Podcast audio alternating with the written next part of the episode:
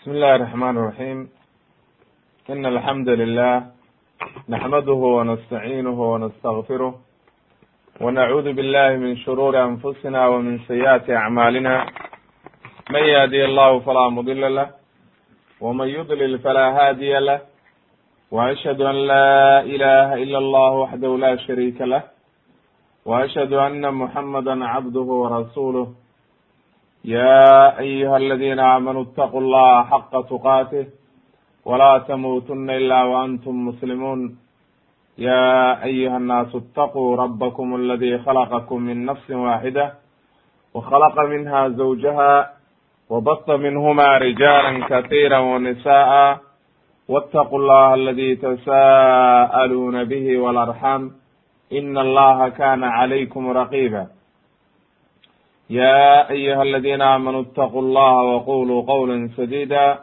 يصلح لكم أعمالكم ويغفر لكم ذنوبكم ومن يطع الله ورسوله فقد فاز فوزا عظيما أما بعد فإن أصدق الحديث كلام الله وخير الهدي هدي محمد صلى الله عليه وسلم وشر الأمور محدثاتها وكل محدثة بدعة وكل بدعة ضلالة wa kula dalaalatin fi nnaar insha allahu tabaaraka wa tacaala haddii rabbi idno silsilatu qasas alambiyaa ayaynu waxaynu soo gaarnay qisatu ayub calayhi salaam. Nabiyullaahi ayub calayhi salaam nebigii sabirka badnaa oo la imtixaamay oo jirada iyo xanuunka badan soo maray maalka iyo wanaagga badanna soo maray marna ilaahay u nicmeeyey oo xoolo badan iyo awlaad badan uu siiyey. Marna ilaahay imtixaamay oo awlaaddiina laga qaaday xoolihiina laga qaaday xanuun iyo jiro badanna lagu riday. Markaa uu sabray iyo habku u sabray iyo wanaagguu gaaray ayaynu ka sheekeynaynaa insha allahu tabaaraka wa tacaala. Awalan qodobka ugu horreeya waxaynu ku soo qaadanaynaa nasabu ayuba calayhi salaam nebiyullaahi ayub xaggee buu galaa oo yuu ku abtirsadaa ile qof nebi walba markaynu ka sheekaynayno waxaynu sheegnaa sida ay maaragtay culummadu u sheegeen nebigaasi meesha uu galo iyo waxa weye meesha uu ka soo jeedo iyo cidduu ku abtirsado. Ibnu kathiir waxa uu yihi raximahullah. Qaala ibnu isxaaq ibnu isxaaq wuxuu yihi waxa uu ahaa kaana rajulan min aruum ruum waxaa la yidhaahdaa dadka cadcad oo waxa weeye ku abtirsada ciisuwa ibnu isxaaq calayhi salaam. Waxaynu nidhi markaynu soo maraynay qisatu isxaaq. Laba nin buu dhalay isxaaq. Isxaaqna waxaa dhalay nabiyullahi ibraahim. Isxaaq marka wuxuu dhalay yacquub oo reer bani israa'iil ku abtirsadaan oo dhalay maaragtay nabiyullahi yuusuf iyo oo waxa weeye reer bani israa'iil baa ku abtirsada ciisuwa na waxaa ku abtirsada baynu nidhi. Dadka la yidhaahdo room oo waxa weeye waa dadka cadcad oo maanta yurubiyaanka iyo dadkan maaragtay caalamka u badan. Dadka ayaa ku abtirsada ba la yidhi ninkaa la yidhaahdo ciisuwa. Wuxuu yihi marka magaciisa waxaa la ohan jiray ayub ayub waa macruufo ilaahay baa ku magacaabay. Waa kii maaragtay toobadkeenska badnaa. Aabihiina wuxuu yihi amu amusa ayaa la ohan jiray ibnu saraxa marka aabihii markuu yahay amusa saraxna uu awowgi yahay. Awowgiisa labaadna waa alciis ibnu isxaaq ibnu ibrahim marka waxa weeye nabiyullahi ibrahim ayuu galaa ayub calayhi salaam oo wax shakiya kuma jiraan. Marka culummadu qowl kalena waa jiraa oo si kale loogu abtirinaayo laakiin qowlkaa ayaa ugu raajaxsan sida maaragtay ibnu kathir iyo ay rajaxeen iyo waxa weeye culimo kaloo badan. Wuxuu yihi ibnu casaakir waxaa laga soo wariyay alxaafid ibnu casaakir inay ayuub hooyadii ahayd gabadh uu dhalay maaragtay nabiyullahi luud calayhi salaam. Marka wuxuu leeyahy horta wax shakiya kuma jiraan. Oo sida ibnu kathir uu keenayo awalna aynu soo qararno soo caddaynay wax shakiya kuma jiraan nebiyullahi ibraahim calayhi salaam. Nebiyada ka dambeeya. Isaga ayay ku abtirsadaan oo waa min duriyati nabiyullahi ibraahim. Ayay maaragtay wax alla wixii nebi oo ka dambeeya. Leanno ilaahay baa yidhi qowluhu tacaala wa min duriyatihi haadaa damiirkaa waxay unoqonaysaa nabiyullahi ibraahim sida saxiixa. Marka qaar baa culimada yidhi nuux bay unoqonaysaa laakin sida saxiixa damiirkaasi wuxuu unoqonayaa nabiyullahi ibraahim. Wa min duriyatihi daawuuda wa sulaymana nabiyullahi daawuud iyo sulayman sulaymanna daawuud baa dhalay waa inoo imaan doonaan labaduba. Wa ayuba nabiyullahi ayub waa min duriyadii nabiyullahi ibraahim calayhi salaam. Wa yuusufa sidoo kale yuusuf iyo muusa iyo haaruun. Kulligood waxa weye waa duriyadii nabiyullahi ibraahim calayhi salaam wa kadalika najzi almuxsiniin sidaa ayaan dadka wanaagsanna oo wanaagga sameeyana ilaahay uu yidhi waan u abaalmarinaa oo waxa weeye wanaagooda la siiya fi suurati alancaam haddaba marka aayaddaasi waxay daliil u tahay nebi ayub calayhi salaam inuu yahay min duriyati maaragtay nabiyullahi ibraahim inuu yahay carruurtii ka farcantay dadkii ka farcamay nabi ibraahim calayhi salaam ayay daliil u tahay laakiin culummadu waxaa la isku hayaa oo waxa weeye kalaamku ku kala tegsan yahay ma wuxuu ka farcamay ciisuwa mise wuxuu ka farcamay yacquub mise xageebuu ka farcamay ayaa maaragtay khilaaf ka jiraaye.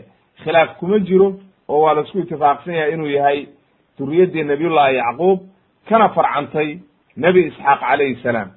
Leannahu nabiyullahi ibraahim waxaa la yidhi isxaaq iyo ismaaciil ismaaciil dadkan carabtaa ku abtirsada oo waxa weeye maka iyo dadkan xagga ayaa ku abtirsan jiray. Oo uu maarata ka farcamay. Nabiyullahi isxaaqna xagga iyo sham iyo baytulmaqdis xaggaasaa wixii joogay baa ka farcamay. Marka nabiyullahi isxaaq laba nin buu dhalay oo waynu soo caddaynay nabiyullahi yacquub iyo ninka la yihahdo ciiswa marka ciiswa dadka alo ruumka ayaa ku abtirsada. Nabiyullahi ayub marka waxaa leeyahay ciiswa ayuu ku abtirsaday ee ma ahayn reer bani israa'iil. Oo waxa weeye yacquub kuma abtirsado. Wallahu aclam ama anahu kana min alambiya inuu nebi ahaa oo ilaahay uu waxyooday waa caddahay oo waxay ku caddahay fi suurati الnisa ama inuu rasuul ahaa ma hayno aayad iyo xadiid oranaya rasuul buu ahaa nebina waa ahaa laakiin nebinimada waa caddahay leanna waxa weeye ilaahay baa yidhi aayadda qur'aanka inaa awxaynaa ilayka nebi maxamed baa lala hadlayaa ay macnaha waan ku waxyoonay kamaa awxaynaa saan ugu waxyoonay ilaa nuuxin wannabiyiina min bacdi nebi nuux iyo intii nebiyadii ka dambeeyey oo dhan waan u waxyoonay wa awxaynaa ilaa ibraahima nebi ibraahim baan u waxyoonay wa ismaaciila nebi ismaaciilna waa u waxyoonay iyo nebi isxaaq iyo nebi yacquub iyo wal asbaab asbaabda waxaa laga wadaa shucuubu bani israa'iil. Qabiiladii ka farcamay nabiyullahi isma yacquub labiyo tobankii wiilo uu dhalay oo waxa weeye qabiiladii reer bani israa'iil ayaa u kala baxay laba iyo toban qabiil. Wa ciisa wa ayuba marka qabiiladaa nebiyadii ka mid ahaa oo aan hadda la sheeginna waa u waxyoonay. Nebi ciisena waa waxyoonay wa ayuba nabiyullahi ayubna waa u waxyoonay wa yunusa wa haaruna wa sulaymana wa aataynaa daawuda zabura fi suurati الnisa haddaba waxa weeye aayaddaasi waxa ay kutusaysaa oo si saxiixa ay kutusaysaa inuu nabiyullahi ayub ahaa nebi ilaahay u waxyooday oo waxa weeye nebiguna waa ku tilmaami doonaa ina nabiy allahi ayub marka nebi buu ahaa oo wax shakiya kuma jiraan oo waa cadda wuxuu yidhi ibnu kathir raximahullah amaa xaaskiisii buu yidhi oo uu qabay waxaa la yidhi gabadha uu qabay waxaa la ohan jiray laya binti yacquub. Nabiyullahi yacquub ayaa dhalay bay leeyihiin oo waxa weeye nabiyullahi yacquub baa dhalay gabadha uu qabay. Qaarna waxay idhahdeen ma waxaa la ohan jiray raxma binti afraim afraimkaasna waa wiilashii yacquub mid ka mid a. Qaarna waxay idhahdeen maya waxaa la ohan jiray laya binti mansha ibnu yusufa ibnu yacquub. Qaarna saasay uga abtiriyeen oo waxa weeye xagga nebi yuusuf ayay ka timid bay leeyihiin. Oo nebi yuusuf ayaa awoowo u ahaa. Allahu aclam marka sida saxiixa rabbi baa garanaya wax hadda inooga xiran oo caqiidaana waxa weeye iyo wax axkaamo inooga xiranna ma jiraan. Laakiin waxaynu halkaa ka qaadanaynaa nabiyullaahi ayub calayhi salaam inuu ahaa min duriyati ibrahim kana yimid min duriyati isxaaq kana yimid maaragtay ciisuwa oo waxa weeye ciisuwana waxaa dhalay nabiyullahi isxaaq. Marka nabiyullahi isxaaq calayhi salaam labadaa nin buu dhalay haddii la yidhi ciisuwa iyo yacquub. Yacquub nebinimadiisa waa la hayaa laakin ciisuwa wax nebinimo ah looma hayo oo waxa weeye ma soo aroorin inuu nebi ahaa.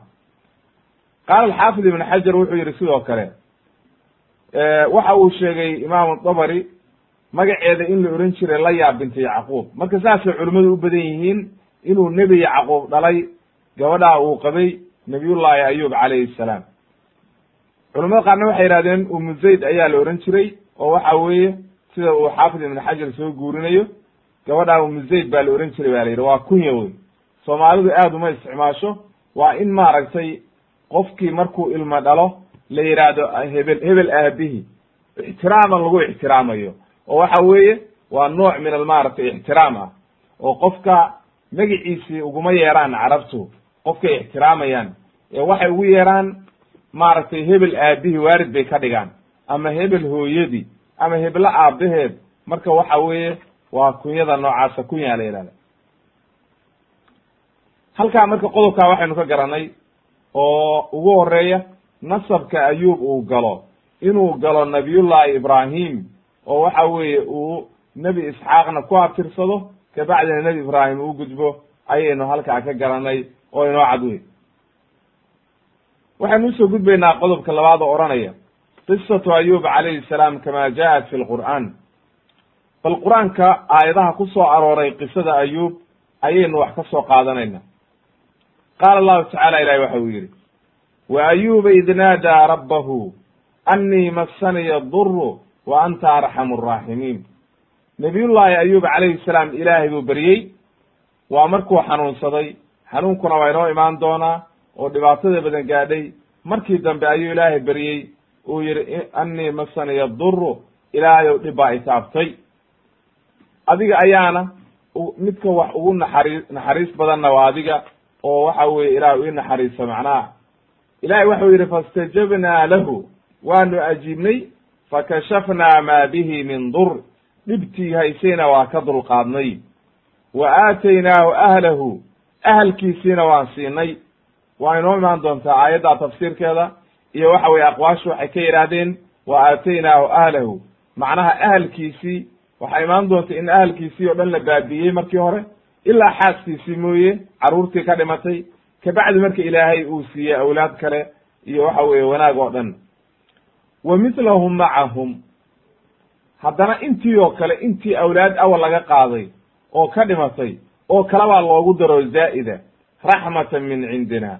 Naxariis ilaahay xaggi ka ahaatay wa dikraa lilcaabidiin iyo maaragtay waxay u tahay xusuus iyo inay ku taamilo qaataan dadka ilaahay caabudaya wa qaala tacaala ilahay aayad kale waxa uu ku yidhi nebiga isagoo la hadlaya wadkur cabdanaa ayuba xus baa la yidhi. Maaragtay addoonkayagii ayub ay nebi ayub calayhi salaam. Id naadaa rabbahu markuu ilaahay u dhawaaqay annii masaniya duru annii masaniya shaydaanu binusbin wa cadaab. Shaydaan ayaa wuxuu itaabsiiyey maaragtay dhibaato nasabku waa mashaakil iyo xanuun iyo wuxuu qofka mar ku dhaco waa cadaab iyo maaragtay dhibaato itaabsiiyey. Ilahay baa markaa waxa uu yidhi urkud birijlika haada. Lugtaada ku garaac baa la yidhi dhulka. Muqtasalun baaridun hada muqtasalun baaridun wa sharaab dhulka markaa ku dhufatid baa la yidhi lugtaada.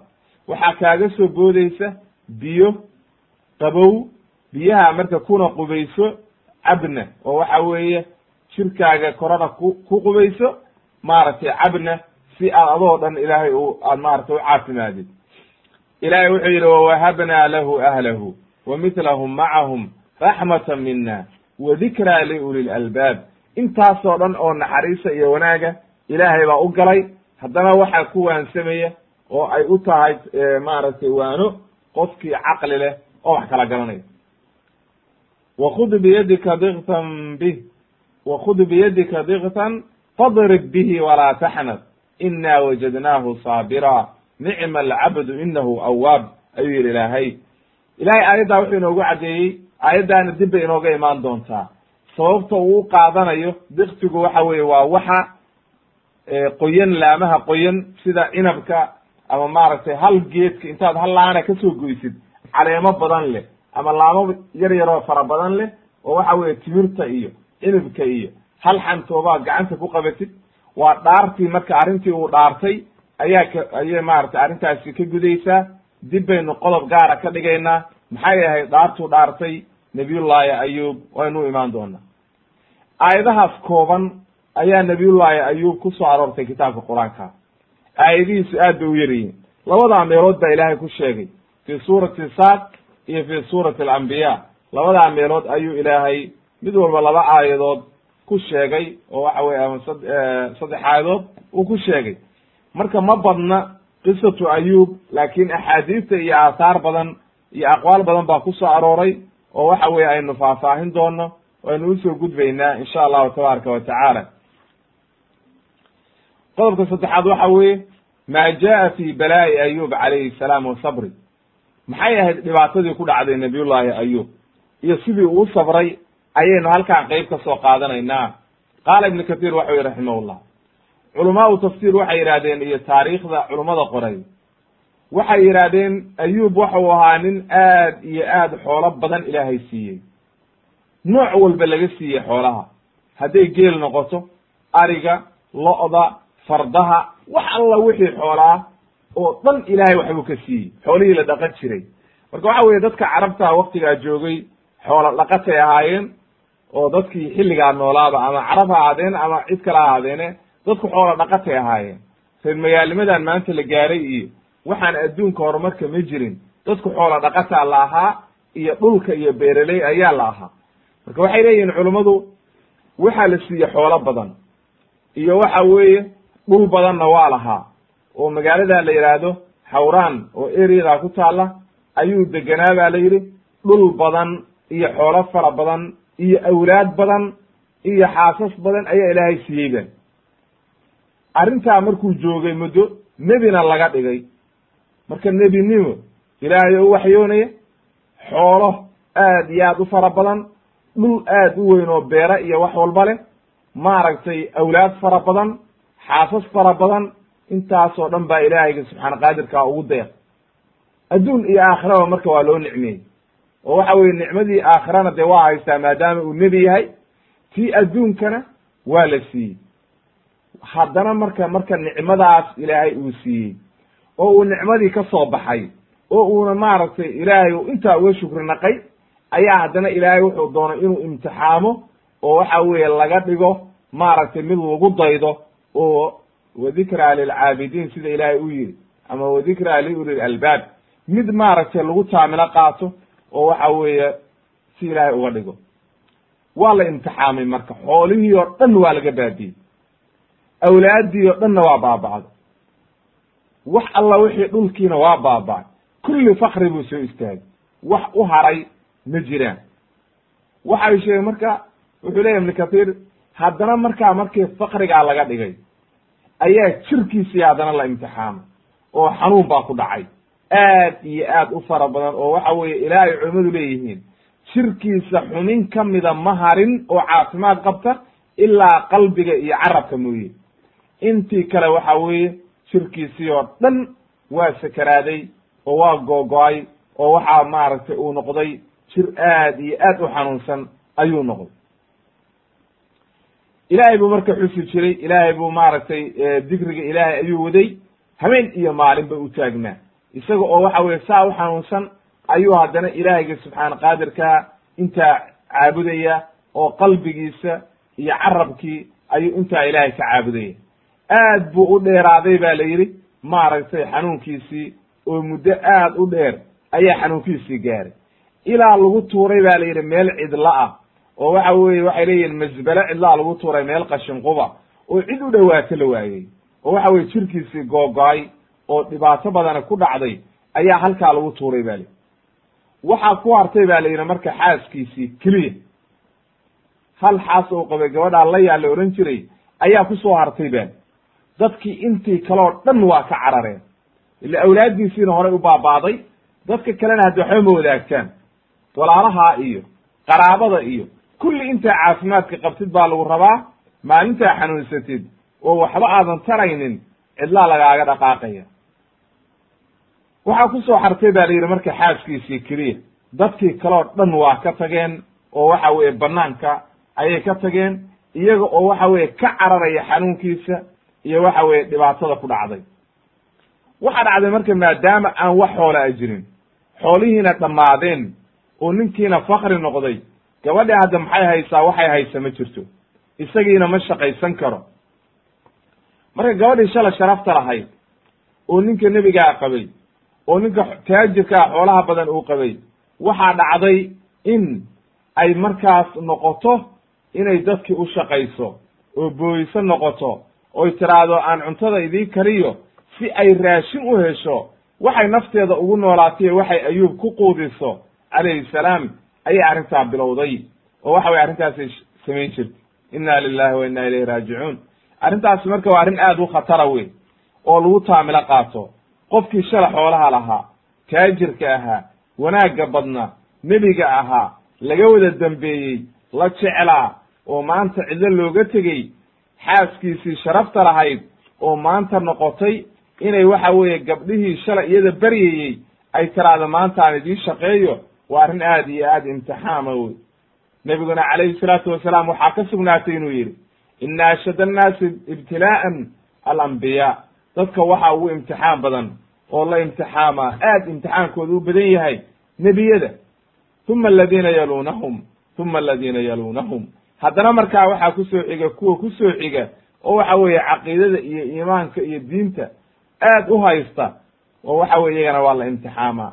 Haddana markaa xadiidkaana waxaa wariyey xaakim waana xadiis saxiixa sida sheekh albani ku caddeeyey fi saxiix iljaami xadiid kalena nebiga waa la weydiiye waxaa la yidhi yaa ugu imtixaan badan dadka markaasuu yihi nebiyada haddana falamhalu uma alamhalu faalamhal haddana say isugu soo xigxigaan wuxuu yihi nebiga calayhi salaatu wasalaam fayubtala arajula calaa xasbi diinihi.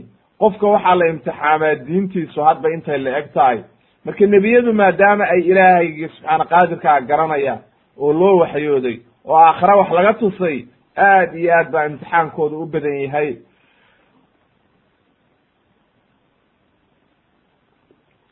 Haddana markaa waxaa ku soo xiga dadka waxa weeye iimaan ahaan iyo caqiide ahaan iyo ku soo xiga sida saxaabadii o kale iyo dadka raacay nebiga calayhi salaatu wasalaam. Qofka waxaa la imtixaamaa buu yihi nebigu calaa qadri calaa xasbi diinihi. Diintiisu hadba intay la eg tahay. Hadday diintiisu xoog badan tahay oo caqiidadiisu wanaagsan tahay waa lagu adkeeyaa. Hadduu maaragtay iska daciiful iimaan yahayna waxa weeye waa loo yareeyaa oo wax yar baa la imtixaamaa. Haddaba halkaa waxaynu ka garanaynaa aakhirkana xadiidkaa nebigu wuxuu ku yidhi ilaa uu qofkii socdo dhulka imtixaankii kama tago qofka dhibaatadii iyo mashaakilkii iyo xanuunkii ilaa uu maaragtay qofkii uu dhulka ku socdo isagoon wax dembiya lahayn. Xadiidkaana imaamu tirmidi baa wariyey wa qaala xasanun saxiix. Waa xasan saxiixuu yidhi wa saxaxahu sheekh albani fi sunan tirmidi ayuu ku saxiixiyey. Haddaba axaadiistaa waxayna baraysaa haddii lagu imtixaamo akhilmuslim oo uktilmuslima inaad sabirtid oo waxa weye rabbigii subxaana qaadirka aad ka baqdid oo aadan gariirin. Wuxuu yidhi ibnu kathiir raximahullah haddaba nabiyullaahi ayub calayhi salaam markii la imtixaamay imtixaankaasi uma kordhin ilaa sabran waxtisaaban wa xamdan wa shukra inuu ilaahay u sabrayo oo waxa weeye dhibaatada ku dhacday uu ilaahay maaragtay xaggiisa uu ka wana wanaag ka malaysanayo oo uu sabrayo ilaahayna ku xamdinaqayo shukrina la imaanayo.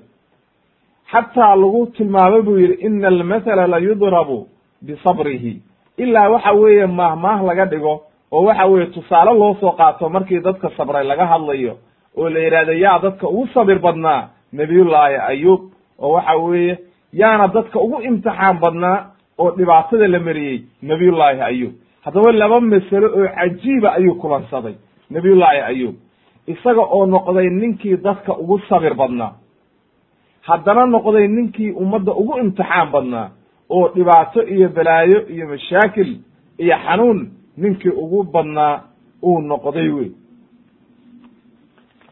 haddaba marka halkaa waxay nooga caddaatay nabiyullaahi ayub calayhi salaam in la imtixaamay oo xanuun badani uu maray oo dhibaato badani ku dhacday oo uu safray markaa oo uu ka soo baxay waa aragtay imtixaankii. Waxaynu u soo gudbaynaa qodobka saddexaad oo odhanaya. Muddatu ibtilaa ibtilaa'i ayub calayhi salaam. Meequu xanuunkii iyo mashaakilkaani iyo imtixaankii la imtixaamay meeqa sana buu socday. Odhan mayno meeqa bilood buu socday ee waxaa la isku hayaa meeqa sana buu socday. Ayaa waxa weeye qowlka laga hadlayo waa meeqa sana buu socday. Ee ma aha waa meeqa bilood iyo xadiid uu weriyey cabdullaahi ibni cumar baa waxaa ku sugnaatay inuu la hadlay naafic oo uu yidhi war naafico waxaad ii doontaa qof waxa weeye itooba madaxa ayaa dhiig iyo waxba maaragtay uu rabay in laga toobo.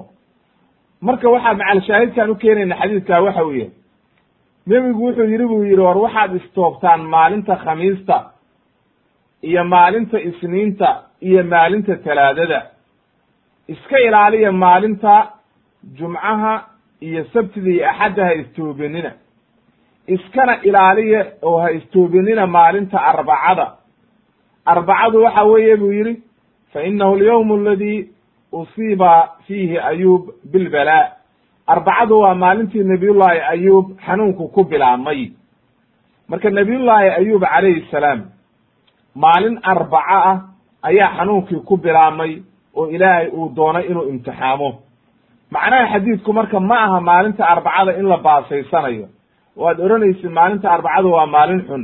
Waa maalin ilaahaygi subxaana qaadirka ahaa oo maalmaha ka mida wey qofkuu doonana waa imtixaamaa de qofkuu doonana maaragtay wanaag buu siiya.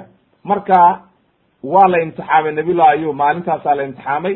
Xadiidka imaamu ibnu maaja iyo xaakim ayaa wariyey. Waxasanahu sheikh albani fi sunan ibni maaja iyo fi silsilati axaadiis saxiixa wuxuu yidhi marka ibn kathir raximahullah marka xadiidku wuxuu inoo faa'ideeyey maalin arbaco ah in nabiyullaahi ayub lagu bilaabay xanuunka iyo mashaakilkii ibn kathir wuxuu yihi raximahullah marka waa la isku khilaafay buu yihi culummadu waa isku khilaafeen ma imisa sane ayuu jiranaa wuxuu yidhi waxa uu sheegay wahb wahab wuxuu sheegay annahu ubtuliya maaragtay in la imtixaamay oo xanuunkiisi uu socday saddex iyo toban sano saddex sano saddex sano talaata saniin ayuu yidhi.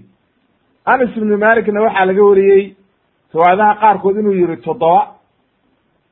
Qaar waxay leeyihiin markaa saddex iyo toban sano marka waxa uu rajaxay qaar waxay leeyihiin siddeed iyo toban sano. Xaafid ibn xajar wuxuu rajaxayaa saddex iyo toban sano. Laakiin xadiidka anas oo imaan doona ayaa waxaa ka mid ah oo xadiis saxiixa inuu siddeed iyo toban sano uu xanuunsanaa. Ayaa maaragtay nebiga calayhi salaatu wasalaam ku caddaatay xadiidkiisii. Qaar waxay dhahaan toddoba sano oo xanuunsanaa.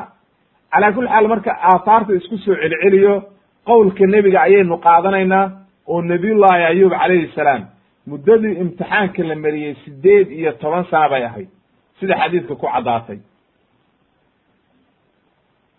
Waaya waxaa sugnaatay marka oo uu leeyahay ibnu xajar waxaa la yidhi ana muddata cumrihi kaanat talaatan wa tisciina sana. Waxaa la yidhi saddex iyo toba saddex iyo sagaashan sano ayuu cumrigiisu gaaray.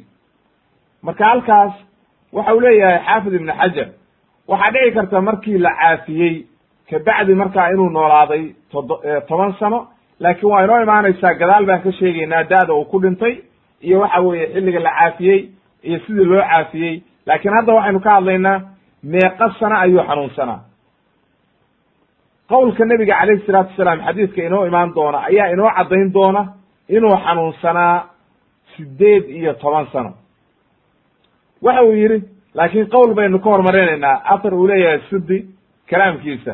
Wuxuu yidhi imaamu sudi raximahullah waxaa la yidhi buu yidhi aad iyo aad buu u xanuunsaday. Ilaa jirkiisii uu googo-ay oo ay soo hartay keliya jirkiisii maaragtay seedihii iyo lafihii isku soo hareen. Oo jirkii oo dhan googo-ay oo waxa weeye aad iyo aad loo imtixaamay. Imtixaan badan buu mar xaaskiisii marka la yaa ayaa waxay samayn jirtay. Aad iyo aad ugu dadaali jirtay. Gabar khayr badan bay ahayd oo raalliyo ah oo aad iyo aad u wanaagsan oo waxa weeye rabbigii subxaana qaadirka ah sabir iyo waxa weeye nicmo ku manaystay. Marka gabadha ayaa ku soo hartay oo aad iyo aad ugu dadaali jirtay ba la yidhi arrintiisa. Inay maaragtay gogashiisa meesha uu seexanayo qubayskiisa xaajada markuu gudanayo dantiisa oo dhan bay u qumi jirtay oo la dadaali jirtay. Leanna waxay garanaysay wanaaggiisii hore iyo waxa weeye xaqa uu ku leeyahay inay ka soo baxdo marka xaqigaas ayay aad iyo aad ugu dadaashay rabbigii subxaana qaadirkaana uu waafajiyey. Waxaa dhacday marka qiso aad iyo aad u cajiiba.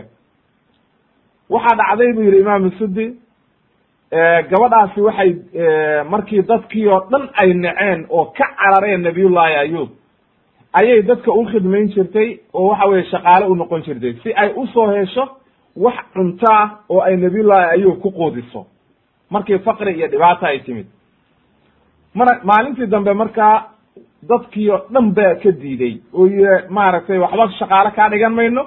Haddii kale cudurkiina iyo wixiina nagu daaranaysaan oo waa ka diideen. Waxay samaysaa la yidhi markay waxba weyday marka. Ayay waxay u tagtay gabdhihii madaxda ahaa gabar ka mid a oo nimanka madaxdaa gabdhahay qabeen. Markaasay waxay tiri raashinna isii cunto madaxayga timahaygana timo dheeroo qurux badan bay lahay timahaygana qaar baan kuu xiiraya oo dhinac baan kuu xiiraya. Marka dafiira ayaa la yidhahdaa dafiiradu waxa weeye maaragtay dumarku markay timaha intay kala xiraan oo laba qaybood u kala ridaan labada dhinac ay ku kala xiraan. Marka timaheedii wanaagga badnaa oo quruxda ahaa oo timaheedii ay maaragtay quruxdeeda ku ay maaragtay quruxda u ahaa ayay gaartay in ay inta xiirto iibiso. Waa sidaan marka waa la iibsan jiray waa tan hadda marka dadku maanta ka dhigtaan burukada iyo waxa la mid a oo waxa weeye dumarku intay timaha jaahiliyadiina saasay ahaayeen. Intay timaha maaragtay tima ku dabaan ayay isku qurxin jireen oo qurux bay ka dhigan jireen. Markaasuy cunto ku soo iibisay nabiyullaahi ayuub bay cuntadii u keentay. Markaasuu inkiro wuxuu yidhi xaggee baad ka keentay cuntadan wanaagsan. Markaase waxay tiri dad baan u soo shaqeeyey iska cun. Maalintii dambe haddana sidii oo kale yeeshay. Qaybtii kaley iibisay haddana timaheedii. Way maalintii dambe u gartay marka wuxuu yidhi cuntadan ilaa aad ii sheegtid ma cunayo. Wallaana u cunayn buu yidhi ilaa aad ii sheegtid meesha aad ka keentay. Markaasay madaxeedii khimaarka ka qaaday oo tustay inay madaxeedii xiiran yahay. Markuu arkay madaxii oo xiiran ayuu markaa intuu naxay ayuu ilaahay beryey oo yidhi inii masaniya duru waa markuu odhanayo ilaahayga subxaana qaadirkaa wa ayuba id naadaa rabbahu annii masaniya duru wa anta arxamu araaximiin fi suurati alambiya markaa ayuu nabiyullaahi ayuub ilaahay beryey oo uu arkay macnaha dhibaatada heerka ay marayso awel isagu waa iska sabri lahaa. Oo wuxuu gaaray inuu iska sabro oo waxa weye wuxuu doonayey inuu sabir la yimaado. Laakiin markuu arkay heerka gabadhii ay aad u naxsan tahay dhibaatada ay gaartay mashaakilka arrinta ay ku samaysay ayuu markaa intuu naxay waxa uu doonay marka inuu ilaahgii subxaana qaadirkaa uu baryo rabbigii subxaana qaadirkaa uu markaa baryey oo gacmaha u hoorsaday. Markaasaa waxaa yimid farajkii iyo waxa weeye rabbigii subxaana qaadirkaa uu ka aqbalay oo ducadii nabiyullaahi ayuub ilaahay markaasuu aqbalay waxaan u soo gudbaynaa markaa qowlkaa haddii aynu ka qaadanay inuu siddeed iyo toban sano xanuunsanaa dhibaatadaasna u gaaray. Waxaynu u soo gudbaynaa qodobka afraad oo odhanaya kayfiyadii iyo habkii nabiyullaahi ayuub farajkii ugu yimid oo looga dulqaaday xanuunkii. Maa jaa fi kashfi balaa'i ayub calayhi salaam ayaynu soo qaadanayna wuxuu werinayaa ibnu abi xaatim raximahullah oo uu ka warinayaa can cubayd illaahi ibni cumayr. Waxa uu leeyahay ayuub waxaa la yidhi laba laba nin oo saaxiiba ah oo ayuub uu aad isku jeclaayeen baa jiray. Xadiiskana waa inoogu imaan doontaa nebiga calayhi salaatu wassalaam labadaa nin marka maalin walba waa imaan jireen. Maalintii dambe marka waxaa dhacday ayay inta u adkeysan waayeen xanuunkiisii iyo mashaakilkiisii ayay ka fogaadeen markaasaa midi wuxuu yidhi kii kaloo saaxiibkiisaa ku yidhi low kaana allahu calima min ayuba khayran ma btalaahu haada bi haada. Haddii ilaahay uu khayr ku og yahay ayuub saa uma imtixaameen. Marka ayuub nin khayr la ma oo waxaa qalbigiisa gashay maadaama qofkaan la imtixaamay saa loo galay waa qof ilaahay neceb yahay. Dadka jaahilka ah oo dhanna oo jahligaa saasay u fekeraan. Qofka haddii la imtixaamo ilaahay inuu nacay ma aha macnaheedu bal waxa weeye waa bilcagsi leanno nebigu wuxuu leeyahay idaa axaba allahu qowman ibtalaahum. Haddii ilaahay uu dad jeclaado waa imtixaamaa marka qofka la imtixaamayo waa qof ilaahay uu jecel yahay oo waxa weeye derajadiisa kor loo qaadayo oo la rabo wanaag inuu gaaro wey waxa uu yidhi marka kii kalea wuxuu yidhi oo maxaa dhacay? Maxaad saa u tiri markaasu wuxuu yidhi so uma jeedid? buu yidhi dhibaatada ku dhacday arrintii ayaa nabiyullaahi ayuub loo sheegay aad iyo aad buu uga xumaaday marka. Markaasuu ilaahay baryey oo wuxuu yidhi ilaahayow haddii aan daraaddaa u samayn jiray ma dhergi jirin aniga oo og qof gaajaysan meel uu joogo. Macnaha camalkii uu samayn jiray buu ilaahay ku baryaya. Camalkii saalixa ah in ilaahay lagu barya waa bannaan tahay. Oo waxa weye loogu tawasulo. Wuxuu yidhi ilaahayow haddii aan daraaddaa u samayn jiray aniga oo og qof xanuun qof gaajaysan inaanan dhergi jirin ilaa aan cuntadooda qaar u geeyo. Anoo laba kamiis haystana qof qaawan oo waxa weye dhibaataysan haddaan ogahay mid baan u geyn jiray ilaahayow marka haddaan saa daraaddaa u samayn jirin. Ilaahayow i rumee oo waxa weeye dadkaani xumaanta ay maaragtay dee qalbigooda gashay. Ilaahayow ii rume oo waxa weeye ii markhaanti ka. Samadaa markaa looga dhawaaqay oo ilaahay baa u rumeeyey marka ayuu sujuud la dhacay bay yidhahdeen oo wuxuu yidhi allaahuma bicizatika ilaahayo waxaan ku dhaaranayaa cizadaada iyo sharaftaade laa arfacu ra'sii abadan xataa takshifa canii maaragtay kor u qaadi mayo madaxayga oo sujuud baan ku jirayaa ilaa xanuunkaa ay aga dulqaadin. Markaasaa xanuunkii laga dulqaaday oo waxa weye ilaahay uu caafiyey. Arrintaa marka waa asar. Oo waxa weeye waa aahaar ay culimmadu soo arooriyeen laakin waxaa arrintan inaga shaafinaya oo waxa weeye aad iyo aad inoogu tafsiilinaya xadiidkii uu wariyey maaragtay anas laga wariyey. Ayaa maaragtay inoo tafsiilinaya habkii iyo kayfiyadii looga dulqaaday xanuunka oo ay wariyeen ibnu abi xaatim iyo ibnu jariir iyo culimo badan ay wariyeen oo hadhow inoo imaan doono takhriijintiisa iyo cidda warisay. Anas ibnu malik baa waxaa laga warinaya inuu yihi nebigaa wuxuu yidhi calayhi salaatu wassalaam ina nabiy allahi ayub labisa bihi balaa'uhu thamaaniya casharata sana. Waxa uu xanuunsanaa nabiyullaahi ayub sideed iyo toban sano. Marka qowlkaa weeye qowlkaynu lahayn sideed iyo toban sano ayaa saxiixa inuu xanuunsanaa. Leanno mar hadduu nebigu yihi calayhi salaatu wassalaam cid waxa weeye kale oo warkooda la qaadanayo ma jirto. Qowlka nebiga ayaynu qaadanaynaa sideed iyo toban sano ayuu xanuunsanaa wuxuu yihi marka nebiga calayhi salaatu wassalaam rafadahu alqariibu walbaciid ilaa rajulayni min ikhwaanihi.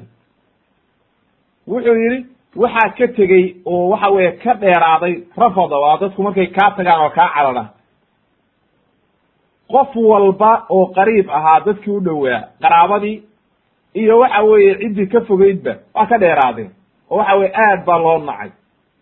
Laba nin baa ku soo haray ay macnaha awal baynu soo sheegnay iyo xaaskiisii. Macnaha xaaskiisi isago mar walba waa la joogtay. Laakiin dadkii oo dhan ummadii kale laba nin baa kaga soo haray. Oo waxa weye ay saaxiib ahaan jireen oo aad iyo aad isku jeclaayeen oo uu dhaqaalayn jiray. Marka waxay samayn jireen galabtiina waa u imaan jireen oo waa soo booqan jireen subaxdiina waa soo booqan jireen. Maalintii dambaa midkood kii kale wuxuu ku yidhi taclamu buu yidhi. Waa waxaad ogaataa buu yidhi ood og tahay saaxiibkiisu la hadlaya wallahi buu yidhi laqad adnaba ayubu denban ma adnabahu axadu min alcaalamiin. Wallahi wuxuu dembaabay buu yidhi ayub dembi weyn oo waxa wey cid kale dembi weyn buu galay. Markaasi waa maxay tahay sababtu? Oad saa u leedahay kii kale. Markaas wuxuu sooma jeedid buu yidhi sideed iyo toban sano ayuu xanuunsan yahay oo dhibaatadaa maraya ilahayna uma naxariisan. Hadduu ninkaani uuna dembi weyn gelin ilahay baa u naxariisan lahaa cudurkaan ka dulqaadi lahaa. Arrintiibuu ninkii ka naxay ayuub buu u yimid arrintiibuu u sheegay. Ayuu markii loo sheegay arrintii ayuu naxay oo wuxuu yidhi wallahi ma garanayo buu yidhi dembi aan galay. Bal iska daa inuu dembi gale waxa uu samayn jiray xataa haddii uu arko laba nin oo murmaysa oo midkood dhaarto wuu isagaa kafaara gudka bixin jiray. Si aynan wax beena aan ilaahay wax khalada loogu dhaaran ayuu kafaara gud bixin jiray. Marka wuxuu yidhi wanaagga noocaasaan samayn jiray aniga xaggayga iska beda markii arrintii noocaa dhacday wuxuu yidhi marka nebigu wa kaana yakruju maaragtay fi xaajatihi fa idaa qadaaha amsakat imra'atuhu biyadihi xataa yarjic haddii uu maaragtay xaajo gudanayo xaaskiisa ayaa maaragtay caawin jirtay oo gacanta qaban jirtay oo markuu maaragtay fadhiisto dantiisa dhamaysto haddana soo istaajin jirtay. Maalintii dambe marka marka markuu xaajo gudanayo way ka fogaan jirtay. Markuu dantiisa dhamaystana gacantay qaban jirtay oo soo istaajin jirtay. Falama kaana data yawmin aqdaat calayhi fa awxa allahu ilaa ayuub fi makaanihi. Isagoo meeshiisii fadhiya oo waxa weeye meeshiisii jooga ayaa nabiyullahi ayuub ilaahay u waxyooday oo la yidhi urkud birijlika. Ku dhufa baa la yidhi lugtaada dhulka. Haada muqtasalun baaridun wa sharaab. Biyahan kuu imaanayana oo halkaan ka soo baxaya ku qubayso oo maaragtay biyaha qabow wanaagsan cabna oo waxa weeye ka dhereg markuu saa sameeyey ayaa maaragtay rabbigii subxaana qaadirka ayuu ilaahay subxaana qaadirka biyihii u soo saar. Wuxuu yidhi marka nebiga calayhi isalaatu wassalaam gabadhii baa daarsatay marka. oo waxa weye markaas ayay eegtay. oo waxa weeye intay daarsatay ile waktigii ka badan buu daahay oo waa nin qubaysanayo oo biyo helay oo caafimaaday. way aragtay mise ninkii oo waxa weye aan ninkiiba ahayn. bay u timid. oo waxa weye aad u qurux badan oo jirkiisi ilaahay u soo celiyey oo xumaantii o dhan laga qaaday. markaase waxay tiri nin kaley mooday marka baaraka allahu fiika ayay tiri ilaah ku barakeeye. Hal ra'ayta nabiy allahi hada almubtala? Ma aragtay nebigii ilaahay oo la imtixaamay? Oo waxa weeye meeshaan joogay. Wallahi bay tiri ma arag bay tiri ma ra'aytu rajulan ashbaha bihi minka id kaana saxiixan. Wallahi ma arag bay tiri wax kaaga eg markii uu caafimaadka qabay. Aad iyo aad bu adiga kuugu ekaa. Waxay soo xusuusatay dhallinyaronimadiisii quruxdiisii markuu caafimaadka qabay wallahi markaa aad buu kuugu ekaa bay tiri. Markaasuu yidhi waa anigii. Fa innii ana huwa buu yidhi. Markaasay waxay tiri axaadiista qaarkood waad igu dheeldheelaysaa oo waxa weeye ha igu markaasuu yidhi waa anigii. Marka nabiyullahi ayub ilaahay saas uu caafiyey. Shirkiisi waa loo soo celiyey. Markii maaragtay dadkii ay danigaa xun ka qaadeen oo la yidhi maaragtay dembi weyn buu galay ayaa ilaahgii subxaana qaadirkaa caafimaad u soo dedejiyey laakiin siddeed iyo toban sano ayuu gaaray xanuunkiisa. Nebigu wuxuu yidhi calayhi salaatu wassalaam wa kaana lahu waxa uu lahaa maaragtay andarani andarku waxa weeye waa meesha lagu markii ra beeruhu soo go'aan sabuulka markii uu ku dhex jiro masagada iyo haruurka iyo waxyaalaha maaragtay soo baxa iyo geleyda iyo meel waxaa jirta la isugu geeyo oo waxa weeye lagu lagu lagu kala saaro oo waxa weeye meel weyn oo waxa weye lagu shukulo. Meeshaas ayaa laga wadaa laba meelood oo noocaasuu lahaa. Midna qamxiga oo waxa weeye sareenka iyo xeelaha lagu waxayn jiray midna shaciirta. Ilaahay waxa uu soo diray bu yidhi nebigu labo daruurood. Midbaa waxay soo istaagtay meeshii qamxiga oo waxa weeye lagu samayn jiray sareenka iyo waxa markaasay soo da'day. Waxaa ka soo daatay oo roobkeedii uu noqday dahab. Ilaa ay buuxsantay meeshii. Marka ilaahay maadaama uu caafiyey xoolihiisii iyo wax alla wixii horay looga baabi'iyeyna waa loo soo celinay. Oo ilahay subxaana qaadirkaabaa siiyey. Meeshaa dahab baa uga buuxsamay tii kalena waxay dul istaagtay meeshii shaciirta oo waxa weye meeshii kale qaybtii kale dul istaagtay markaasay iyadana waxaa ka soo daatay oo soo da'ay sidii roob oo kale wariq wariq waa fidada iyo lacagta iyo waxyaalaha ilaa ay buuxsantay. Haddaba halkaa marka ayaa xadiidkaa wuxuu inoo caddeeyey. Nabiyullahi ayuub calayhi salaam ilaahay waa caafiyey caafimaad buu siiyey. Xoolihiisii iyo ka badanna waa la siiyey. Oo waxa weeye barwaaqadiisii ayaa dib loogu soo celiyey. Xadiidkaas waxaa weriyey ibn xibbaan fii saxiixihi ayaa weriyey oo maaragtay maxamed ibn xasan ibn qutayba can xarmala ka werinaya can ibni wahab bihi. Wuxuu yidhi marka ibnu kathiir waa qariib buu yidhi xadiidkaasi oo mawquuf buu shabahaa laakin xadiidku waa xadiis saxiixa. Oo waxaa weriyey sidoo kale imaam albazaar ayaa wuxuu ku wariyey mukhtasar zawaa'id iyo abu yacla fi musnadihi ibnu jariirna waa weriyey iyo maaragtay ibnu xibbaan xaakim waa weriyey abu naciim fi lxilya waa ku weriyey kulligood waxa weeye naafic ibnu yaziid iyagoo ka warinaya marka riwaayado badan buu leeyahay xadiidku waa xadiis saxiixa. Marka culamada qaar waxay yihahdeen sida xaakim iyo waxa weeye calaa shardi albukhaari waxaana ku waafaqay calaa shardi sheikhayn ayuu yihi xaakim waxaana ku waafaqay imaamu dahabi sidoo kale imaamu lhaytamina waa saxiixiyey wuxuu yihi rijaaluhu rijaalu saxiix. Sidoo kale sheikh alalbanina waa saxiixiyey fi silsilati axaadiis saxiixa raqamka toddobiyo toban. Haddaba marka waxa weye xadiidku waa xadiis saxiixa. Fawaa'id badan buuna leeyahi wuxuu inoo caddaynaya habkii nabiyullaahi ayuub loo imtixaamay iyo habkii xanuunka looga qaaday iyo waxa weeye intii sano oo uu xanuunsanaa intaba waa inoo caddeeyey. Waxaa laga warinayaa aathaar kale oo uu werinayo ibn abi xaatim oo uu ka werinayo maaragtay ibn cabaas cabdullahi ibn cabaas waxa uu leeyahay cabdullahi ibn cabaas wa albasahu allahu xullatan xullatun min aljanna.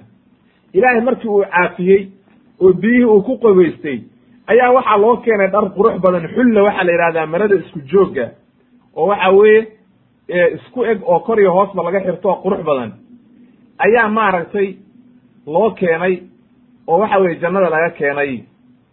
Ayuu marka meel buu fadhiistay intuu meeshii ka durkay isagoo aad u qurux badan xaaskiisii markay u timid ayay garan weyday marka. Oo waxay tidhi yaa cabdallah bay tihi ayna dahaba hada almubtala aladi kana haahuna ma awey bay tiri ninkii halkaan la imtixaamay oo waxa weeye halkaan joogay ma aragtay. Nin kaley moodeysa mise waxa weeye baalaha ayaa qaatay iyo iyo eyaha iyo miyaa cunay markaasuu way garan weyde marka. Isagii baa markaa la hadlo waxa uu ku yidhi wayxaki ana ayuub buu yidhi. Aniga weeye ayuub. Markaas waxay tiri ma igu dheeldheelaysaa maya buu yidhi aniga weeye ayuub ilaahay baa ii soo celiyey jasadkaygii iyo wanaagaygii ilaahay marka waa caafiyey nabiyullaahi ayuub calayhi salaam. Wuxuu leeyahay cabdullahi ibni cabaas radi allahu canhu wuxuu yidhi ilaahay duri awlaaddiisiina waa u soo celiyey oo waxa weye awlaaddiisii oo dhan maalkiisii awlaaddiisii kulli waa loo soo celiyey. Leannahu ilaahay baa leh wa aataynaahu ahlahu wa mitlahum macahum raxmatan mina haddaba marka ilaahay nabiyullaahi ayuub wixii oo dhan waa loo soo celiyey. Sidoo kale waxaa laga wariyey abu hurayra radi allahu canhu wuxuu warinaya nebiga calayhi salaatu wasalaam inuu yihi lama caafa allahu ayuba calayhi salaam nabiyullaahi ayuub calayhi salaam. Marka labadan xadiid oo soo socda waynu sheegi doono waxay ina barayaan arrin kale oo ah qofku ilaahay nicmo kasta oo siiyo nicmada ilaahay lagama dhergo. Oo haddii wax walba lagu siiyo xoolo kasta lagu siiyo haddana qofka mu'minkaahi nicmada ilaahay kama dhergo. Mar walba waa u baahan yahay nicmada ilaahay oo waxa weeye wuu rabaa wuuna jecel yahay inuu helo oo waxa weeye kama dhergi karo. Sidaas daraaddeed marka nabiyullaahi ayuub calayhi salaam oo waxa weeye labadiisii meelood looga buuxiyey dahab iyo lacag iyo waxa weye fida ayaad haddana waxaad arkaysaa aan ka dhergaynin nicmada ilaahay oo odhanaya ilaahay ow yaa nicmadaada ka dhergi kara. Ma cid baa nicmadaada ka dheragta? odhanaya. Waxa uu yidhi xadiidkaas abu hureyre uu warinayo lamaa caafa allahu ayuuba ilaahay markuu caafimaadiyey ayuub ayaa waxaa dhacday samada ayaa waxaa ka soo daatay sidii roob oo kale jaraadan min dahab. Jaraadku waa ayaxa wey markaasuu nabiyullaahi ayuub waxa uu marada u hoorsaday. Markaasuu wuxuu yidhi ilaahay intuu la hadlay ayuubow miyaanan intaa wax ka badan ku siinin? Miyaadan dhergin maxaa dhacay? Markaasuu wuxuu yidhi yaa rabbi buu yidhi waman yashbacu min raxmatika ma cid raxmadaada iyo naxariistaada ka dhergeysa ayaa jirta xadiidkaa marka dayaalisi ayaa weriyey iyo imaamu axmed iyo ayaa weriyey iyo ibnu abi xaatim iyo waa xadiis saxiixa oo waxa weeye ay culummada qaar yidhaahdeen sida xaakim iyo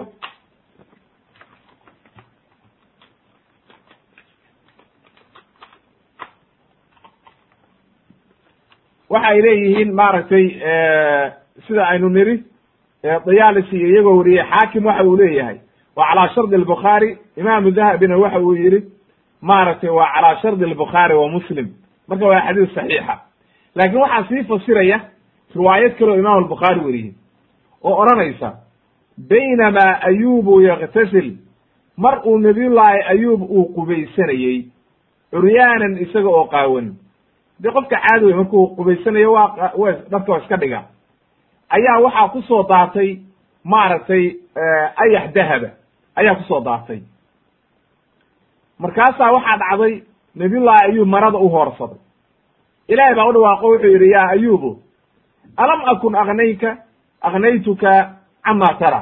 Miyaana waxaa kaa dherjin? Oo waxa weeye waxaan ayaxan yaryarkaa so anigii maaragtay masalan dee kaaga buuxiye dahabka iyo fidada iyo wanaagga meeshaadii aad wax ku beeran jirtay wax ku habaysan jirtay markaasuu wuxuu yidhi yaa rabbi belaa buu yidhi yaa rabbi wax walba waad isiisay. Laakinii walaakinii laa ghina macnaha kama dhergeyo oo aniga laa ghinaa lii canbara can barakatika. Macnaha wanaagaaga iyo nicmadaada kama dhergi karo. Marka halkaa waxay nooga caddaatay qofku xoolo kasta oo la siiyo. Nicmo kasta oo la siiyo. Inuuna nicmada ilaahay marnaba ka maarmin. Sidaa ayuu inoo caddaynayaa. Nabiyullahi ayub calayhi salaam xadiidka imaam albukhaari ayaa soo wariyey. Xaafid ibn xajar waxa u yidhi raximahullah xadiidkaasi wuxuu daliil u yahay. Qofka muslimka ah inuu nicmada ilaahay mar walba xalaasha iyo uu ziyaadsan karo oo uu badsan karo laakiin waa qofkii ka shukri naqaya oo la imaanaya abaalgudkeedii oo aan ku gaaloobaynin kuna maaragtay kharimaynin ee maaragtay macaasi aan u adeegsanaynin. Ayaa la rabaa inuu saa ugu dadaalo. Marka sidaa daraaddeed way way habboon tahay qofka haddii ilaahayga subxaana qaadirka u nicmo siiyo waa inuu nicmadii ka shukri naqaa sidoo kale wuxuu daliil u yahay in maalka ilaahay uu ku siiye baraka lagu magacaabo leanno allihii subxaana qaadirkaa baa ku siiyey waa min barakat illah ibnu kathiir wuxuu leeyahay isaga oo fasiraya aayadahan markii nabiyullaahi ayuub calayhi salaam la amray inuu maaragtay dhulka ku dhufto lugta oo biyuhu uga soo boodeen macnaha urkud waxaa laga wadaa waa ku dhufashada dhulka lagu dhufanayo ciribta ayaa laga wadaa buu yidhi. Marka wuxuu leeyahay markuu arrintii ilaahay amray ayuu lugtiisii dhulka ku dhuftay. Markaasaa waxaa ka soo burqatay il biyo qabow leh oo aad u wanaagsan. Markaasuu ku qubaystay sidii ilaahay uu amray. Markaasaa jirkiisii oo dhan u soo noqday oo wanaagsanaaday fa dahaba allahu canhu wax walboo xumaana ayaa ilaahay ka dulqaaday markaasuu haddana cabbay markaasaa jirkiisii gudihii oo dhanna hagaagsanaaday. Marka kor iyo hoosba jirkiisii hoose iyo intii koraba ilaahay saasuu ku caafiyey oo waxa uu noqday nin caafimaad qaba.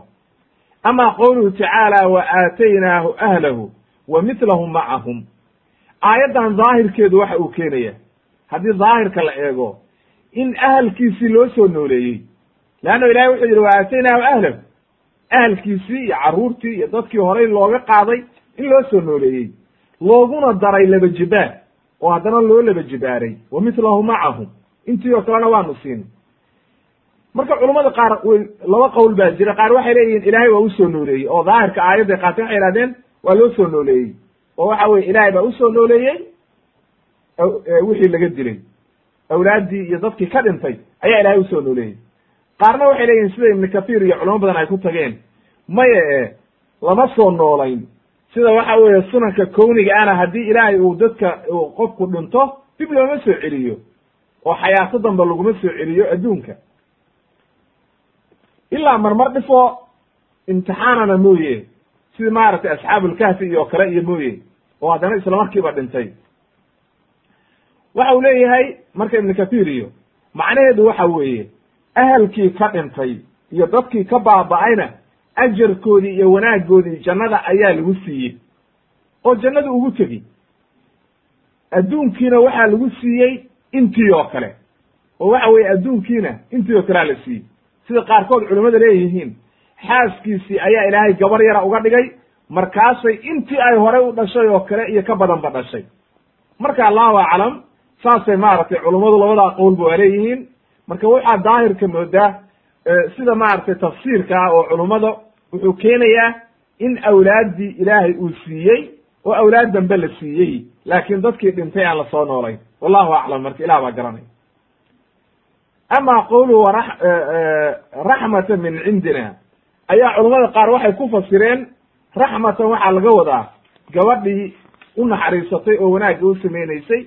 Laakiin ibnu kathiir waa diido wuxuu yidhi ay macnaha ilaahay naxariistiisa weeye ixsaanka iyo wanaaggii iyo ilaahaygi subxaana qaadirka caafimaadkii uu siiyaa laga wadaa ee raxmaddu waa raxmadda ilaahay. Wa dikraa lilcaabidiinna waxaa laga wadaa buu yidhi. Ay macnaha tadkiratan wax lagu waansado oo qofku ku waana qaato oo maanta haddii uu xanuunsado uu soo xasuusto nabiyullaahi ayuub iyo sidii loo imtixaamay xooluhu hadday ka baaba'aan uu soo xasuusto nabiyullaahi ayuub iyo waxa weye siday uga baabeen oo ay tasliye u noqoto ayaa maaragtay ay u tahay waano qofkii ilaahay ka baqayo ilaahay caabudaya oo waxa weeye arrintaasi ay u tahay. Uswato maaragtay usway u tahay uu ku daydo nabiyullaahi ayuub calayhi salaam. Leannahu wax walboo dhibaataa lagu sameeyo xoolo kaa baabaa iyo qof kaa dhintaba hadda nabiyullahi ayuub baa in ka badan soo maray una sabray ilaahayna kaa jeclaa oo nebi ahaa marka sidaa daraaddeed inaadan quusan. Waxau leeyahay imaamu daxaak can cabdullahi ibni cabbaas uu ka warinaya ilaahay wuxuu u soo celiyey buu yidhi gabadhii layaa ayaa gabarh shabaaba laga dhigay markaasay waxay dhashay carruurtii intii ay horey u dhashay iyo ka badan. Ilaa ay dhowr iyo labaatan qof dhashay ayuu maaragtay leeyahay wallahu aclam. Marka ilaah baa garanaya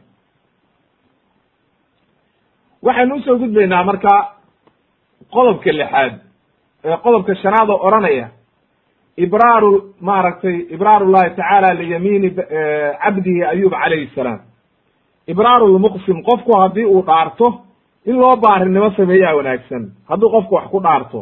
Marka dhaartii uu dhaartay nebiyullaahi ayub calayhi salaam ilaahayna uu maaragtay u baarinimo sameeyey ayaynu halkan qeyb kaga soo qaadanayna aayadda qur'aanka ilaahay wuxuu ku yidhi wakhud biyadika diktan fadrib bihi walaa taxnad ina wajadnaahu saabira. Nicma alcabdu inahu awaab fi suurati saad. Maxaa laga wadaa? Qaala ibnu kathiir wuxuu yidhi arrintaani ruksad ayay ahayd. Ilaahay uu u rukseeyey nebiyullaahi ayuub calayhi salaam. Wuxuu yidhi nebiyullaahi ayuub waa dhaartay. Wuxuu ku dhaartay inuu xaaskiisa ku garaacayo boqol jeedal inuu ku dhufanayo. Sababta keentayna maxay ahayd? Inuu ku dhaarto inuu gabadhii saa wanaagga ugu samaynaysay inuu boqol jeedal ku dhufto iyadoon xad gelin maxay ahayd sababta? Wuxuu yidhi ibnu kathiir laba arrimood baa lagu sheegay. Qaar waxay yidhaahdeen markii ay madaxeeda xiirtay oo timihii iska xiirtay ayuu yidhi khalad baad gashay. Boqol jeedal baana kugu dhufanaya waa inaad ogaataa qaarna waxay yidhaahdeen maya ee shaydaan baa inta maalin dariiqa u istaagay oo dhakhtar isaga soo dhigay oo qof nin caadi oo dhakhtara isaga soo dhigay ayuu wax quraafaada u sheego o wuxuu yidhi saa sameeya oo saa sameeya oo ayuub saa ku sameeya wuu caafimaadayahay markaasay ayuub u sheegtoo tiri war niu nin dhakhtaraa saa igu yidhi saas aan samayno. Wuu gartay marka inuu shaydaan ahaa. Wuxuu yidhi waan ku jeedlayaa leannahu shaydaan baa dhexda ku istaagay ilaahay marka markuu caafimaadiyey gabadhaani gabar la jeedli kara ma aha liannahu sababtu waxa weeye wanaag badan iyo sabir badan bay soo samaysay intaasoo dhibaataana u soo martay ilaahay baa markaa ka fududeeyey arrintii nebiyullaahi ayuubna dhaartiisii u baarinimo falay waxaa la yidhi marka waxaad qaadataa diktan diktigu waxa weeye waa xusma waa xantoobo wax gacanta hal mar lagu qabto. oo waxa weeye geedaha qoyan laamahooda ood hal mar xantoobo ah weeye. Masalan laanta cinabka oo kale laamo badan iyo caleemo badan bay leedahay. Ama laanta timirta oo kale hal mar intaa gacanta ku qabo. oo waxa weeye saa hal xantooba intaa gacanta ku qabatid laamaha qoyan hal mar ku dhufo maxay ka dhimaysaa? Waxba ka dhimi maysa markaa. Laakiin boqol jeedal waa adag tahay oo waxa weye qof aan xuduud gelin ama aan sinaysan ama dhibaato ku dhicin hadde waxa weye arrintaas kuma habboona sidaa daraaddeed marka ayaa nabiyullah ayub sidii buu sameeyey isagiina ma dembaabin oo waxa weye kafaara gud kuma waajibin gabadhiina waxa weeye markaa dhibaata kuma dhicin ilaahay baa marka wanaaggaa u sameeyey. Marka aayaddu saasay ka hadlaysaa. Ilaahay waxa uu yidhi marka inaa wajadnaahu saabira nicma alcabdu inahu awaab macnaha waxa uu noqday waxaanu helay isaga oo maaragtay sabir badan oo aad iyo aad u sabray ayaanu helay. Marka waa nicma alcabdu buu ilaahay ku magacaabay. Addoonkii ugu wanaagsanaa ayuu ilaahay ku magacaabay.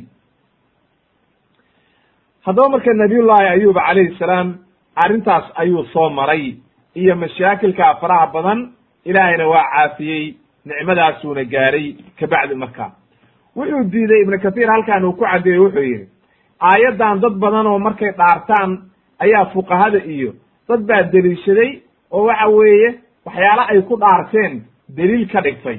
Laakiin arrintaani deliil maaha leanna waa sharcu man qablana.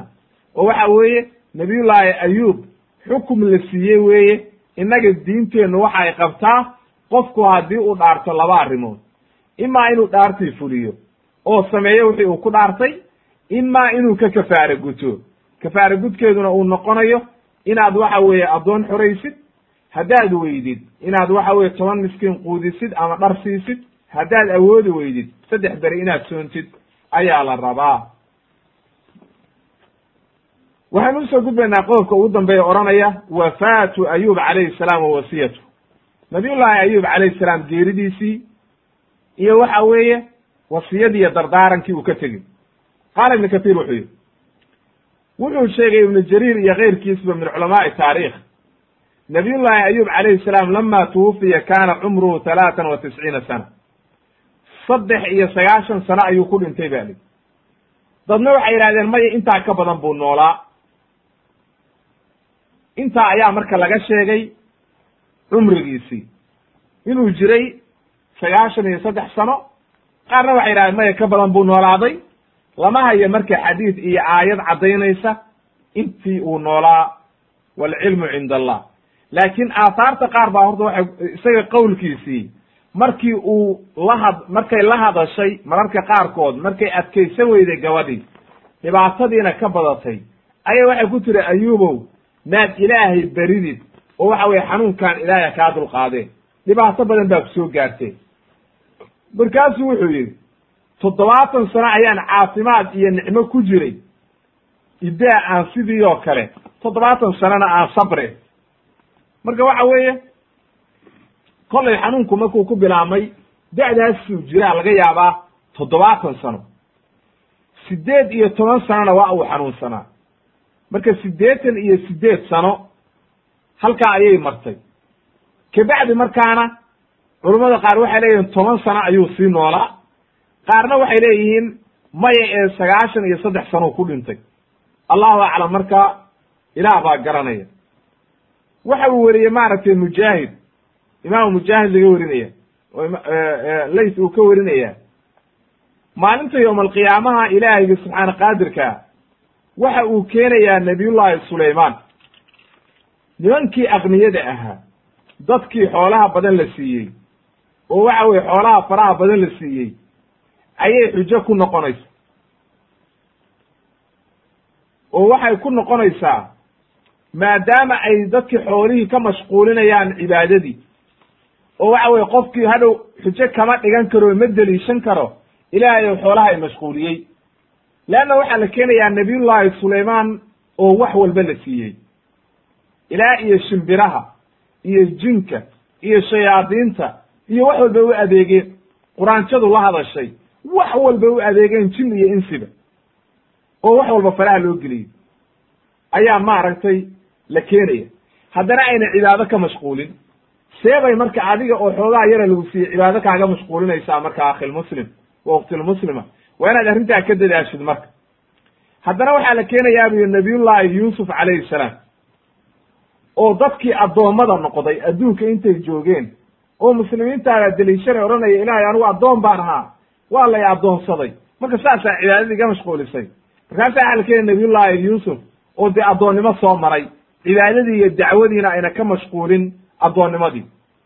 Haddana waxaa la keenayaa nebiyullaahi ayuub calayhi salaam oo waxaa xujo looga dhigayaa dadkii xanuunsanaan jiray oo mashaakilka soo maray oo waxa weye dhibaatada ku dhacday ayaa markaas xujo ay ku noqonaysaa oo la leeyahay haddaad xanuunsatay nebiyullaahi ayuub baa kaa xanuun badnaa kaana mashaakil badnaa. Dhibaato dhanna soo marta. Arrintaa markaa ayaa maaragtay ibn casaakir ayaa werinaya fi taarikhi ayuu ku werinaya bimacnaa. Waxa uu yidhi ibn kathir raximahullah waxaa la yidhi nabiyullaahi ayub wuxuu u dardaarmay wiilkiisii la oran jiray xumil ama xawmil. Ayaa ayuu u dardaarmay ba la yidhi markuu dhimanayey waxaana arrintii sii qabtay ba la yidhi kabacdi wiil la oran jiray bishir ibni ayub ayaa la wareegey arrintii. Waxayna sheegteen dadka inuu wiilkaasi nebi ahaa oo waxay leeyihiin ninka la yidhaahdo dhulkifli oo inoo imaan doona qisatu dhilkifli ga laga hadlayo walyasaca wadalkifli wa kullu min alakhyaar ayaa waxay yidhahdeen culammada qaarkood waa wiilkaa bishir oo waxa weeye nebiyullah ayub baaba dhalayba nebi baana laga dhigay allahu aclam marka ilaah baa garanaya sida ay ku saxiix tahay laakiin qisatu dhilkifli gadaal baynu ka keenaynaa haddii rabbi idno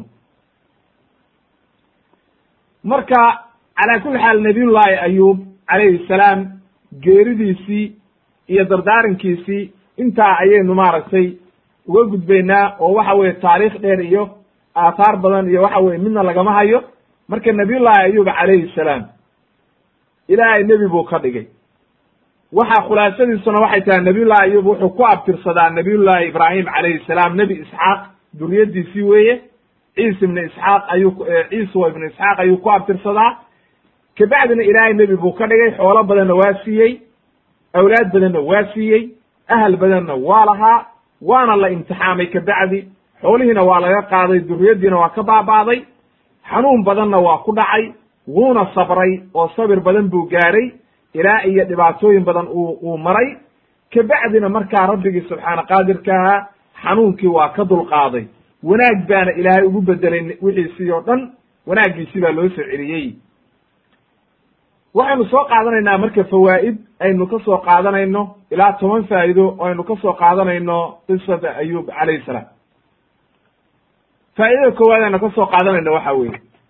Culuwu maqaami asabri cala albala washukru cala anacma cala anicmaan inaad maaragtay nicm u sabirtid haddii lagu imtixaamo wanaagga iyo sharafta aad gaaraysid oo nicmada wanaagga aad ka gaaraysid haddaad dhibaatada u sabirtid ayaynu qisadan ka garanayna. Leanno nabiyullahi ayub markuu sabray wanaaggaasuu gaaray. Kabacdi haddana waxaynu ka garanaynaa haddii aad ku shukridid nicmada ilaahay uu ku siiyana iyadana wanaag baad ka gaaraysa lain shakartum la aziidanakum waatuu ilahay laha marka nabiyullahi ayub markii horena nicmadii waa ku shukriyey kabacdina xanuunkii iyo dhibaatadii waa u sabray marka labadii dhinacba dhinac walba nabiyullahi ayub baa ka soo baxay in lagu daydaa wanaagsan marka waxaynu ka qaadanaynaa midda labaad fadiilat adducaa wa huwa min baab alistijaaba waxa weeye inaad ilaahay baridid waa kan ilahay dhahayo udcuunii astajib lakum marka ilaahay in la baryo waxa weye waa arrin aad iyo aad u wanaagsan. Dhibaatadu markay kugu dhacday haddaad ilaahay baridid ilaahayga subxaana qaadirkaa baa ku ajiibaya kaana dulqaadaya dhibaatadii. Midda saddexaad waxaynu ka qaadanaynaa siyaru saalixiin dadkii wanaagsanaa siiradooda in la akriyo mawcido ayaa ku jirta oo waxa weeye waad ku waansamaysaa oo waad maaragtay isku sabir siinaysaa. Marka in mar walba la akriyo way wanaagsan tahay siyarkii dadkii wanaagsanaa nebiyadii iyo dadkii wanaagsanaa aad bay u wanaagsan tahay qisaskooda iyo siiradooda in la akriyo lagu daydo. Waxaynu ka qaadanaynaa midda afraad qofkii la imtixaamo oo maalkiisi iyo awlaaddiisi iyo wax walba laga imtixaamo oo sabra arrintaa ilaahay wanaag buu ugu bedelayaa laakiin waa qofkii sabra wey yaraadana markay dhibaatadu ku dhacdo inna lilahi wa inna ilayhi raajicuun allahuma ajirna fi masiibatina wakhluf khayran minha. Ilaahayow maaragtay adiga ayaan kuusoo noqonaynaa ilaahu maaragtay dhibaatadaa nagu dhacdayna. Ajar naga sii wax ka khayr badanna noogu bedel. Ducada ayaa wanaagsan qofku inuu akriyo markay masiiba ku dhacdo oo uu saa u dadaalo. Midda shanaad waxaynu ka qaadanaynaa. Nabiyullaahi ayuub qowlkiisa ahaa annii masaniya duru dhib baa itaabtay kama hor imaanayso oo ma nafiinayso sabirkii leanna waa duca wey ilaahay buu beryey. Sidaa daraaddeed ayaa ilaahay yidhi faistajabnaa lahu. Marka shakwo ma aha ilaahay buu beryeye eed sheegasho kale iyo sabir la'aan ma aha. Marka qofku ilaahay waa baryi karaa oo waxa weeye ducada ilaahay la baryo ka hor imaan mayso sabirka oo waxba u dhimi mayso. Waxaynu kaloo ka qaadanaynaa midda lixaad. Qofka haddii la imtixaamo ilaahaygi subxaana qaadirka ah isagoo qofka jecel buu imtixaamaa ha u malaynin marka. Haddii la imtixaamo qofka inuu ilaahay neceb yahay. Leanna waatuu nebigu lahaa calayhi salaatu wassalaam ida idaa axaba allahu qowman ibtalaahum. Marka ilaahayga subxaana qaadirka ahaa dadka haddii uu jeclaado waa imtixaama marka waxa weeye ha moodin qofka la imtixaamay qof la neceb yahay ma noqdo. Qofka ilaahay isagoo jecel buu imtixaamaa. Dadka aan cilmiga lahayn oo juhaladaabaa u maleeya qofkii la imtixaamay in ilaahay uu neceb yahay taasna saas saxiix ma aha. Leannu nebiyullahi ayuub oo nebiya ilaahayna jecel waa la imtixaamay waana sabray. Faa'idaana ku jirta oo waxaa laga gaaraa maaragtay mansilo sare ayuu qofkii gaarayaa iyo wanaag oo dhan midda toddobaad waxaynu ka qaadanaynaa sabirkii iyo wanaaggii ay gaartay gabadhii nebiyullaahi ayuub uu qabay layaa oo waxa weeye wanaagga ay samaysay. Marka gabar walba oo muslimada inay ku dayato oo saa u sabirta baa la rabaa. Haddii la imtixaamo ninkeedii oo uu xanuunsado in loo sabraa la rabaa. Ninkuna haddii xaaskiisu uu xanuunsado oo la imtixaamo inay u sabro ayaa la rabaa. Oo waana inuu ogaado qof walba labada qof oo isugu xaq badan waa ninka iyo xaaskiisa iyagaa isku soo haraya dadka inta kale o dhan waa kaa tegayaan. Waa inaad ogaatid wey waxaynu ka qaadanaynaa midda sideedaad haddii aad dhaaratid oo aadan dhaartii fulinaynin inaad ka kafaara gudatid waa waajib. Kafaara gudkeediina wuxuu noqonayaa inaad la timaadid sidii maaragtay ilaahay uu ku amray. Oo waxa weeye aad addoon xoraysid haddii aadan helin inaad waxa weeye toban miskiin aad quudisid ama waxa weye dhar huwisid haddii aad awoodi weydid in markaa saddex beri aad soomtid. Midda tobna midda sagaalaad waxaynu ka qaadanaynaa qisadaani waxay inoo caddaysay oo ay deliil u tahay nebi maxamed calayhi salaatu wasalaam nebinimadiisii leanna waa cilmi geyb uu ka sheekeeyey oo waxa weeye nebiyullaahi ayuub oo xilli hore ahaa oo uuna soo gaarin ayuu nebigu saa inooga sheekeeyey. Ilaahay baana u waxyooday waa waxyi min allah. Marka waxay kutusaysaa calaamad nebiga nebinimadiisii rumaynaysa ayaa ku jirta. Midda tobnaad waxaynu ka qaadanaynaa waxaa habboon qofkii dhibaato ku dhacdo inuu soo xasuusto nebiyullaahi ayuub xanuunkiisii iyo sabirkiisii iyo wanaaggii uu sameeyey. Leanno siddeed iyo toban sano nin xanuunsanaa cayaar ma aha oo waxa weeye cid walba ay ka carartay dhibaato kastana ku dhacday oo saa looga kala tegey oo haddana markaa sabrayey oo rabbigii subxaana qaadirka ahaa u sabray. Haddaba marka waxaa loo baahan yahay qof walba inuu xasuusto nebiyullaahi ayuub calayhi salaam iyo sidii u sabray iyo wanaaggiisii uu ku taamilo qaato markaa oo uu waxa weeye arrintaa la yimaado isaguna sabir iyo wanaag. Intaa marka ayaan ku soo gebagabaynayaa qisatu ayuub calayhi salaam oo waxa weeye aan leeyahay wax alla wixii khaladana rabbigii subxaana qaadirkaa ayaan uga toobad keenayaa wax alla wixii ansaxayna ilaahay ayaan ku maadinaya. Wa subxaanaka allahuma bixamdika ashhadu an laa ilaha ila anta astakfiruka wa atuubu ilayk walxamdu lilahi rabi alcaalamiin